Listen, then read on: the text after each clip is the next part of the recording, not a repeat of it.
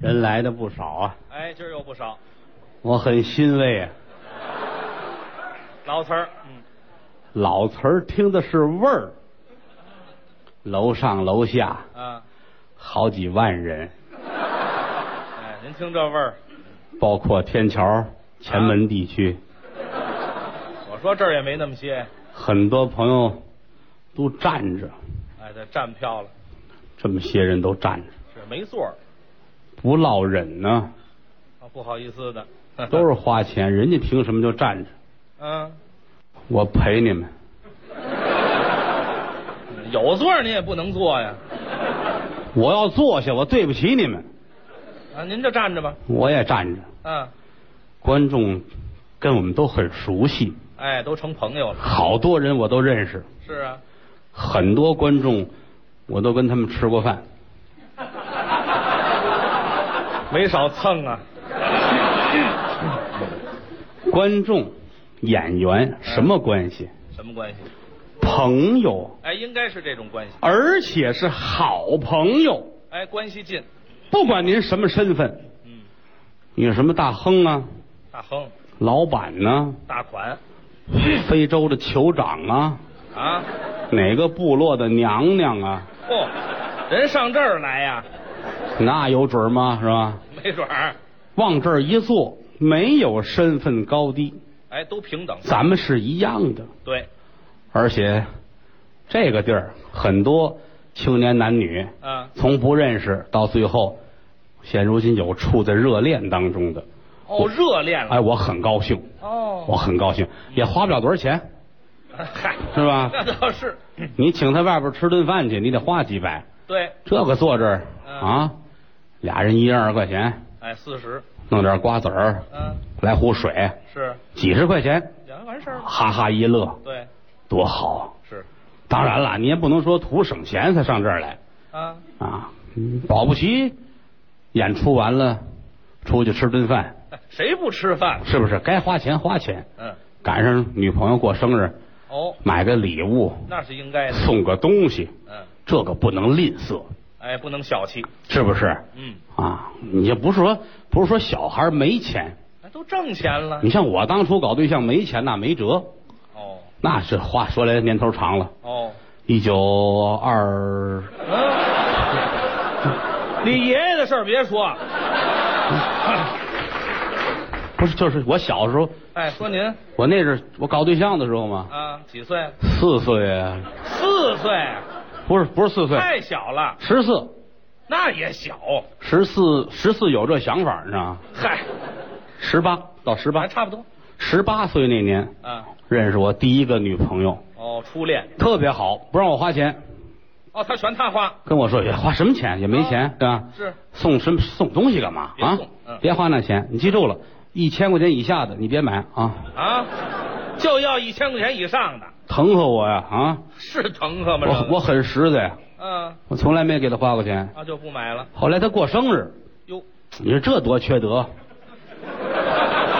过生日怎么叫缺德呀？嗯躲不过去这玩意儿，这非送不可。那嗯买什么呢？是吧？嗯我说你喜欢什么呀？嗯，我说咱门口有一古玩店，嚯，那儿摆一大花瓶，嗯，那个我很喜欢。真张嘴。啊，我说就看去了吧。嗯，大花瓶跟那架上一人高，嚯，我说这多少钱？嗯经理乐了，这没多少钱，嗯，七千。七七千，我一个月零花是三十，且凑不够呢。哎，我攒够了，他孩子上高中了，好嘛，那还送他这管什么用啊？眼泪哗哗的。啊哈老天爷呀，啊谁能帮我一把啊？经理问我怎么回事，哦，我把事儿一说，女朋友非逼着我买这个，是你怎么没钱？经理说没事儿，我帮你吧。哦，这原来是一对儿，哦那个呢？碎了，你看地上刚摔一大堆碎片儿哦，给你装一箱子，嗯，拿走干嘛用啊？啊！你先去，我们打发人给你送去。哦，啪，扔那儿了，一瞧，哟，碎了，反正你钱花了，有那标签儿。哦，那那价签儿呵，我说太好了啊！救你一命。我谢谢您吧啊，谢谢您吧。我去了，我到那儿我说给你订一生日礼物，你最喜欢那 个，哈哈一会儿就来了。大花瓶，一会儿送来，一进门我一接，俩人假装没弄好，吧唧掉地，哗楞，真真，有我这坏碎了。那得，打开一看，都是碎片儿哎，碎片儿是碎片儿，怎么了？每个碎片儿都包着一个兜儿。啊？ 都当正品那么包装的呀？服务太周到了，好嘛，过了， 这怎么办？气得我呀！啊？女朋友转身就走了。哎，对，明白了吗？我上那商店找经理打架去。 啊，我说你是人吗你啊？哈你这不回我吗？啊，他乐了是啊，啊，几千块钱舍不得花，嗯，我能让我闺女跟你吗？ 哼啊，好嘛，一家子呀，这是很多年以前的事儿了，哎，我也不爱提这个嗯，哼 也不是什么露脸的事啊儿，，事儿过去就算了，啊没有别的，希望咱们这青年男女啊，好好过，对，有好日子得有好过。我没有别的意思啊，嗯就是咱们好好聊聊，哦，，好好聊聊。听相声是您生活的一部分，对，希望大家都幸福。嗯千千万万注意，这个男的呀，嗯，不能够节外生枝，知道吗？女嗯不不，聊天儿可以，就别往桌子上坐了，上炕上惯了，好，好好过日子，哎，向于老师学习。啊我， 于谦的生活很幸福我是不错，啊嗯，买一大房子，哎对，楼上楼下二百多平米，反正不小，一百九十万，是这房子一百九十万，这装修用了两千多块钱，那钱都花扯了，等会儿吧，等会儿，等会儿没数，你数两千多这数得过来，这个甭数了，啊这一百九十万的房子，啊！我装修花两千多块，里边没门儿，这个买纸篓就花了两千多，我要那么些玩意儿纸篓干嘛呀？你爱翠檀呢是吧？这房子我住不了多长时间，啊，就说这意思，嗯说这意思。哼有钱一进门，嚯，嗯，迎面啊，一进客厅，迎面挂着十二块表，花那么些表干嘛？英国时间、美国的、印度的是吧？我开一酒店，合着有钱吗？有钱挂那么些表没用啊，这撑着呗是吧？这糟那是，撑着呗，就是有钱。嗯这现在生活幸福，我们嫂子也很好。嗯，俩人一出去，大伙儿看着都羡慕。嗨哎是说实在的，于谦儿当初搞对象太可乐了。怎么了呀？他这个脑子呀，反正怎么说呢，这是去年刚开化，知道吗？我这晚点儿吧，这个原来这智力也差着，啊搞对象呀不懂，一概都不懂。啊，这开窍那吧，二十五六了，跟傻子似的，一还不天明白一天到晚坐屋看书，哦，就爱看书，嗯，看闲白书《聊斋哦，学《聊斋》》，看《聊斋》，拿那当真的，嗯 哦，这也当真这，不疯子吗？啊，拿拿《聊斋》当纪实文学那么看太不开窍了，这个。啊，还跟我说呢，你看，哎，你看人家这都跟仙女儿跟狐仙结婚。哦，我什么时候啊？啊，我说你有病啊，是怎么着啊？ 嘿，那你你找仙姑去，啊，那能找吗？嗯，你能跟仙姑结婚吗？找去能啊，啊！我跟仙姑结婚，我就是仙姑父了。仙姑父有这词儿吗？我说人家还有还有女鬼呢，啊，我就是鬼姑父了。鬼姑父了， 我还有神仙呢嗯，我神姑父神姑父，啊，我还有蜜蜂呢，嗯我风姑父，疯姑父，离傻姑爷就不远了，这就好嘛啊，神经坐屋看，听评书，电台电台放评书，啊， 《聊斋》有一个叫青凤，有那么一有一回幕啊嗯，坐屋坐着，书生跟屋坐着，一推门来狐仙，对俩人结婚，是天天他坐屋等着，坐屋等着等狐狸啊，哦，哪有狐狸？啊嗯没有，连耗子都没有啊，啊，还真干净上山找狐狸要结婚，啊，找三天真找着一个有啊？啊，还结不了婚，怎么了？公的啊， 嗨，什么眼神儿啊？这是就说这意思，大伙儿劝他，你别这样，你做了病了，啊知道吗？给你介绍一个吧，大伙儿给介绍我们这嫂子，啊，哎，俩人很好的过日子，哎，这就好了，哎，生一大胖小子哎，有孩子啊！你这一家三口多好啊！啊，昨天我听后台俩人说了，嗯啊，孩子这么大了，咱俩人得结婚了，是吧？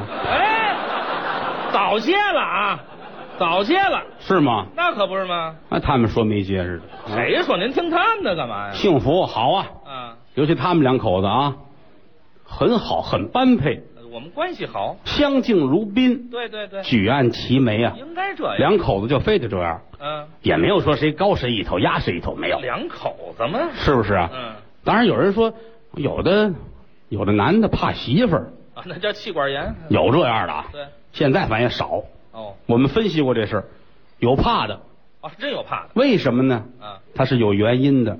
什么原因有一种来说啊，啊？是相貌怕，怎么叫相貌怕？相貌怕，媳妇儿长得太漂亮了，哦，这好看呢，漂亮。自个儿一瞧，照镜子一看自己，啊，哦，自个儿看着都恶心啊！啊，自个儿都吐了好嘛，啊！太过不去了。对不起，这媳妇儿，啊，得了，我怕人家吧，有有这么一种，怕一辈子。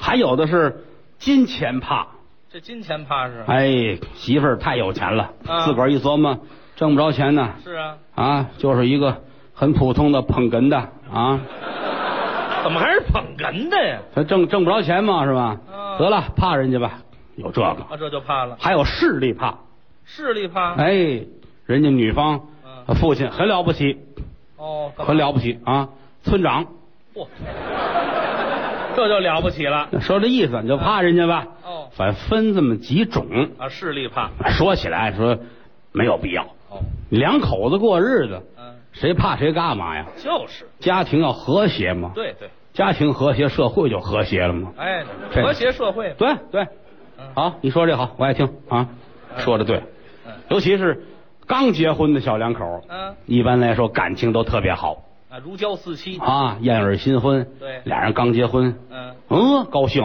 啊，不是一天休息都没事儿。怎么？哎，媳妇儿跟家做饭，嗯，这男的上班啊，家里住天桥，哦，这男的在张家口上班啊，啊，这天天上下班儿天上班啊，中午中午就四十分钟时间，啊，跟那边啊雇一飞机送回来还回来，啊，回来回来吃这顿中午饭，好家吃完赶紧走，伙啊，走五分钟又回来了，干嘛？我想你了，看看啊，嗨，那么远就甭耽误功夫。知道吗？两口子过日子就怕逗闷子，怎么叫逗闷子呀？闲的没事儿啊。你爸爸不就是一村长吗？你看我，我是一捧哏的，知道吗？我了不起，知道吗？你以为你不错呢嗯？我们后台，我们后台那刘云，刘云很好看，大个儿啊，要什么有什么。嚯想说刘云天啊，说是刘云，哦，没天媳妇儿一琢磨，刘云像个女的名字，哦打这起就盯着你，哦，这这没有必要的事儿啊！你你睡着了，媳妇儿坐起来嗯，拿袜子套在脑袋上，干嘛呀？打手电翻你的衣裳兜，啊啊检查呀？啊，改了特工了啊，嚯，翻数你那钱，嗯，看多少钱哦，啊，看短多少钱是啊，一二百短了就短了，啊，保不齐跟朋友吃顿饭什么就的，花了。看看有没有别的相片有没有啊，哦，相片不就行怕这个，哦，就怕有相片，知道吗？郭德纲的相片有一车都没事啊，那不搭啊档嘛，。就怕有张张曼玉的要亲命了啊。张曼玉都不成你，看，就你媳妇儿哪看过这个去啊？ 这急了，坏了，跟张曼玉怎么怎么样了？好嘛，两口子打架是吧？还有这演出票，票怎么了？一张也没事儿，单人儿，自己去的，对，三四张，同事们一块儿，这没事儿，就怕两张，两张，两张你不定跟哪个女的去的，嗨，所以我吓郑重其事的告诉大伙儿，嗯出门把票都扔了啊，听见了？好嘛，没人这么琢磨是。吧别没事儿找事儿嗯，啊，两口子过日子，那有了孩子了，这家里更热闹，孩子添一口人添一口人多好啊！啊，可是正确教导孩子也很主要，哎，得教育好。是不是？嗯家里这儿正忙活要吃晚饭呢啊，嗯，这忙活着呢，一推门，孩子进来了，哎，哭了，哟，这怎么问得问？问呢。啊，小倩儿，哎，哎哎哎哎哎，倩儿，不是你咱们哎，爸爸跟呃这这怎么是哪儿啊哪儿啊？怎么着？别这怎么叫这名字？别不别叫别不叫这个啊？没我什么事啊，好好好，啊不叫不叫名字啊。对，儿子啊，还是叫这个吧，啊还是叫这个吧。你看他这挑肥拣瘦嘛什，么呀？怎么回事？哎，问问，为什么哭 啊？呃、哎，张爷爷打我了。嗨，你看这男的急了，你怎么怎么打孩子？那么大岁数，啊，我找他去。哎，得问问呀，媳妇儿要会做人的，会做事儿的，怎么办？就得拦着。哦，嗯，别闹，别闹，倩儿，还是我，嗯怎么回事啊？你张爷爷打我，哎，不许说谎啊！嗯，张爷爷是那人吗？就是，打你小的时候，张爷爷多喜欢你，哎，那么疼你，背着你，抱着你，啊给你搁肩膀上，嗯跟把张爷爷的肩膀压成那样了都。 张文顺呐，啊，你记得你去年淘气吗？嗯啊，那张奶奶熬了一锅汤，嗯搁在院里边儿，你把你爸爸那袜子扔里头了，哎，人家老两口打起来了。嗯，张爷爷还埋怨张奶奶怎么说？海带为什么不切啊呀、嗨，这爷爷眼神儿太差了，是不是？啊，张爷爷喝完都中毒了不至于啊！啊！人好了之后，人家都没说过你，没打过你你看看，啊，怎么会打你呢？啊，你准是淘气了，哎知道吗？别闹了，去洗脸去啊！饭熟了，一会儿那卡通片演了啊，哎，动画片看电视知道吗？小千儿的故事啊，离不开这个似的，说这意思，说这意思 啊，你看这很好吗？哎，这就劝过去了，事儿不就过去了吗？啊？你就怕这个，一家子糊里糊涂，哦，没事儿找事儿，怎么要了亲命了。不行？你嗯这丈夫回家了啊，嗯，下午六点半下班儿回来了，推自行车回来哦，大杂院儿一瞧自个儿那家门啊锁着，没人，那帘儿都挂着呢哦，你瞧这讨厌吗？掏开钥匙，捅开门进去一瞧，被窝还没叠呢。这乱，头天那痰桶跟那儿满登登的，还有呢，赶紧端出去倒了，嗯，找吧，大杂院儿自个儿媳妇儿不定跟哪屋呢哦啊。人上哪儿去了？干嘛去了？呵呵打这屋噌，这媳妇儿出来了，嗯，喊什么呀？讨厌，你这不开壶，那几把牌打的，玩牌呢，男女这二年怎么的竟不开壶？嗯二年不开壶啊，啊，要我这脾气比他还大呢，回去吧。进了屋了，你也不叠被啊？叠什么呀？一会儿不还得睡了吗？好嘛，痰桶你也不倒，嗯到那玩干嘛呀？嗯，啊吃什么呀？买去，买去，买去。现买，行，我买去。转身出去了，买点饼吧，省事儿吧。嗯买点饼，买点火腿肠子，反正乱七八糟的。嗯买点回来，来吃吧啊！大饼卷这肠子，嗯，这讨厌就讨厌吃这东西啊！还挑眼，鱼翅捞饭多好啊，是好，拿饼没法夹，废话，有烙饼卷鱼翅捞饭的吗？我挣多少钱让你这么吃？啊，再一个也架不住你输钱的呀！别废话，别废话，谁老输钱？我那年还挣六毛呢，知道吗？好，嗯啊这二年以前的事儿了。吃着吧，正吃着，门一开，孩子进来了，哎，哎哭了怎么了？怎么了？呃，张爷爷打我。嗯，你瞧瞧，这么大岁数欺负孩子，嗯，我找他算账去啊！真去啊你？瞧这媳妇儿得拦着不拦着？呵，你找人算账去？啊你打得过人家吗？哦，那张文顺多大能耐嗯啊！一肩膀高，一肩膀低啊！人练过，一看就是，这样练过？啊那是武术的架子，知道吗？没听说过。虽说架子扎歪了，知道吗？哎，啊，指架子呀，你打不过人家，你还跟人家拼呢？你瞧你倒霉德行嗯啊嗯！这缺德孩子也是，蛤蟆转长虫，掏上一王八，三辈儿没眼没这玩意儿，知道吗？哪儿这么一套一套啊的？，缺德的挨刀的，八十里地没有人家，你个狼掏的啊！呵，你还要跟人打架，你打得过人家吗嗯？你自个儿照镜子瞧瞧你啊，胳膊像葱管儿啊，手指头像烟卷儿，脑袋像小碗儿啊，就你那脑袋还没人张爷爷那粉刺大了，知道吗？ 好嘛，你要去我这么比的吗啊？你那是作死，就是回来吧，别去了，拿着菜刀啊，玩命去这个样的日子你说怎么过？啊！不能这样，鸡炒鹅豆，家里边必须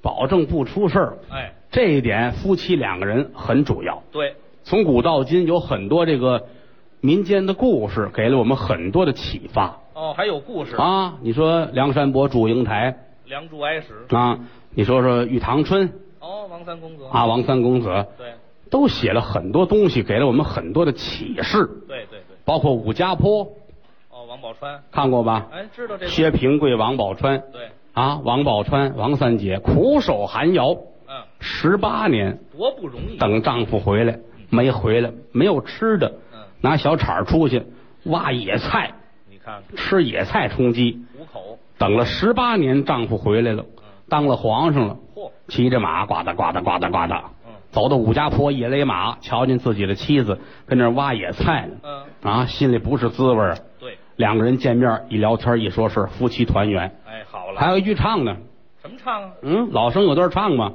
是吗？给定银子嘛，是他媳妇嘛。怎么说的？这锭银三两七，拿回去买烧鸡，买苹果，买鸭梨，买一把刀，我子儿了你就削削皮呀、有一段谁说的？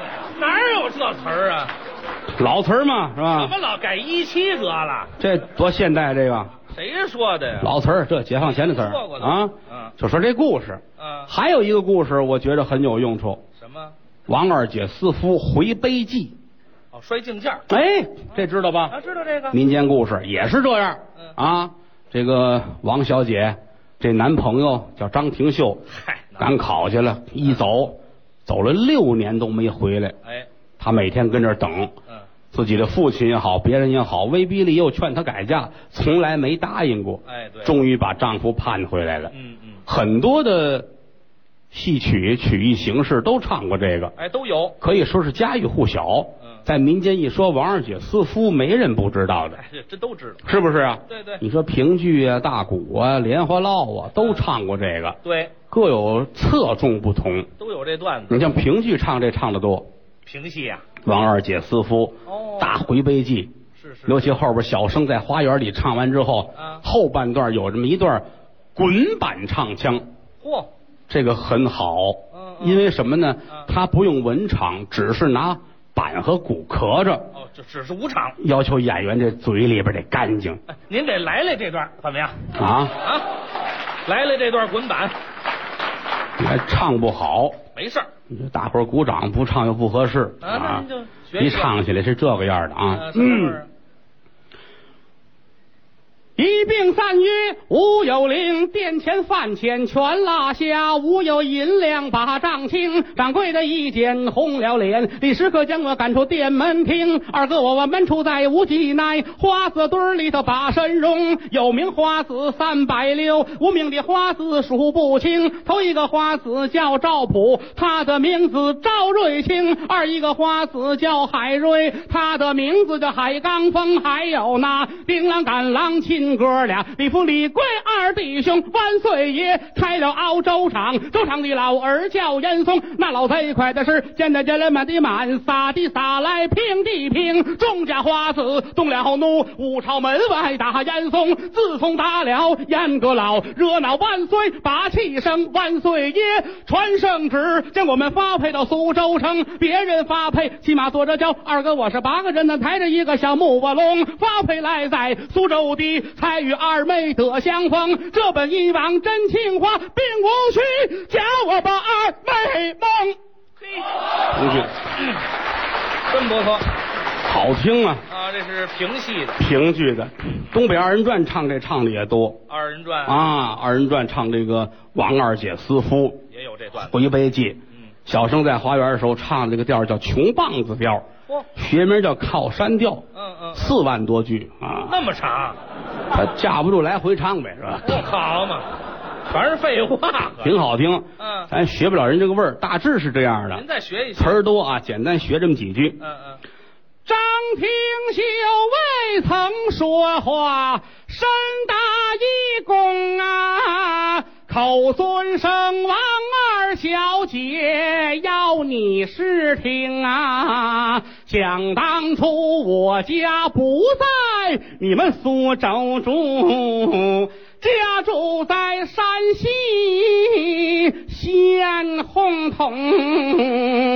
只皆因洪洞县里连到黄汉，一连四年没得收成。头年黄旱没下雨，二年口上被大水冲，就数三年青苗好。五月十三的起了蝗虫，第四年五月十二下场头鱼儿啊，直下到八月十六才把天晴啊！哎哎哎哎哎呀！哦，二人转，啊啊，这是二人转的味儿。二人转唱这个，嗯嗯嗯，咱们曲艺里边来说呀嗯，很多曲种也唱，怎么呀？早先京韵也唱，后来不唱了。哦西河有这段儿对我认为铁片儿很有特点。这是烙挺大。嗯，铁片大鼓唱这个幽默诙谐，很多演员都爱唱这段儿，啊，是吗？听起来很好玩儿。这么着吧，嗯，您再来来这铁片大鼓的。铁片儿的王二姐师傅啊，哎，对对对，八月里的秋风阵阵凉，一尝这个薄露，严霜儿一场，小严霜单打独根儿草。挂的边儿甩子儿啊，在荞麦叶儿上，燕儿飞这个南北，知道冷热。秀女在房中盼想豺狼，苏州城住着一位王老员外，家大这个也大，广有余粮，西西呀五儿啊，所生两个女儿啊。姑娘她是长大成人，许配夫郎；二姑娘许配了那张廷秀啊，大姑娘许配了则子叫赵昂，赵昂则到南京去把官儿做。王大姐就是啊，一个那做官的娘。张廷秀到南京前去赶考，一去了六年呢。未转还乡，想二哥一天吃了八张饼，嗯想二哥一顿喝了六盆汤，八斤饼，六盆汤，吃完了学为有点儿撑地慌。二哥哥有官儿没官儿，回来一趟吧，赶紧的搀着二妹妹干嘛 去烫毛发。